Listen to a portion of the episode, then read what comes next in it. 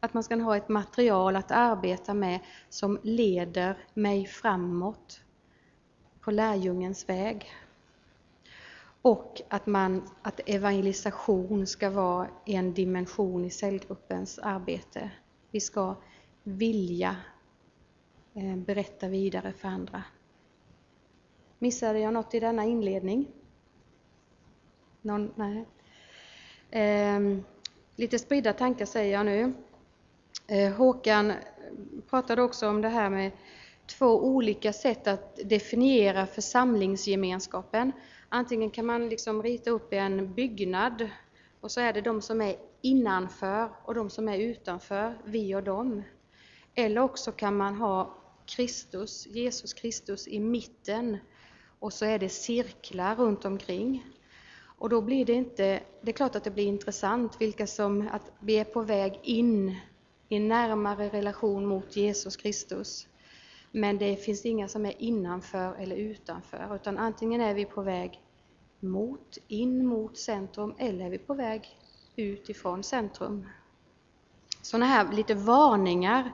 Cellgruppens största fiende är om den blir introvert och stängd och man sitter där och har myspys. Eh, cell, cellgrupperna ska vara kopplade till andra så sa Håkan så här att i Värnamo församling så består en, en cellgrupp under ett år. Därefter ska den delas, annars upplöser vi den. Oh, hjälp! Så sa du? Ja.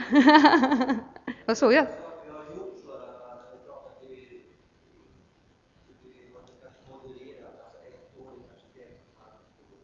Mm. Det ska vara en växt.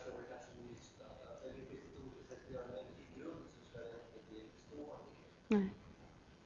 Något som man ska tänka på i en cellgrupp är att varje cellmöte ska det finnas med relationen uppåt, tillbedjan, bibelläsning, lovsång, bön, relationen med Gud. Relationen inåt, omsorgen om varandra, ett delande med varandra. Eh, relationen utåt, längtan efter att fler människor ska komma med, få höra budskapet. Och inriktningen framåt, att vi ska mogna i lärjungaskapet.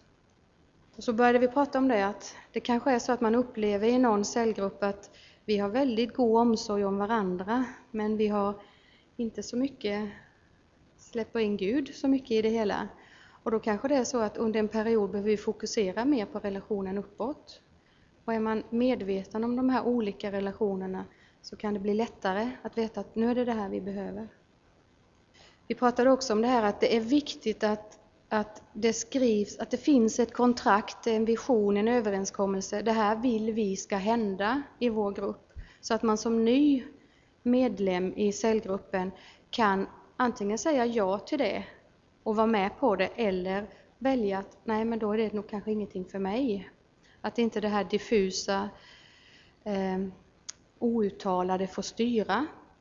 Vi sa också att det kan vara så att den som inte riktigt vill vandra med blir den som får, får bromsa lärjungaskapets växt. Ja, jag tror det var ungefär. Är det någon som vill tillägga något viktigt?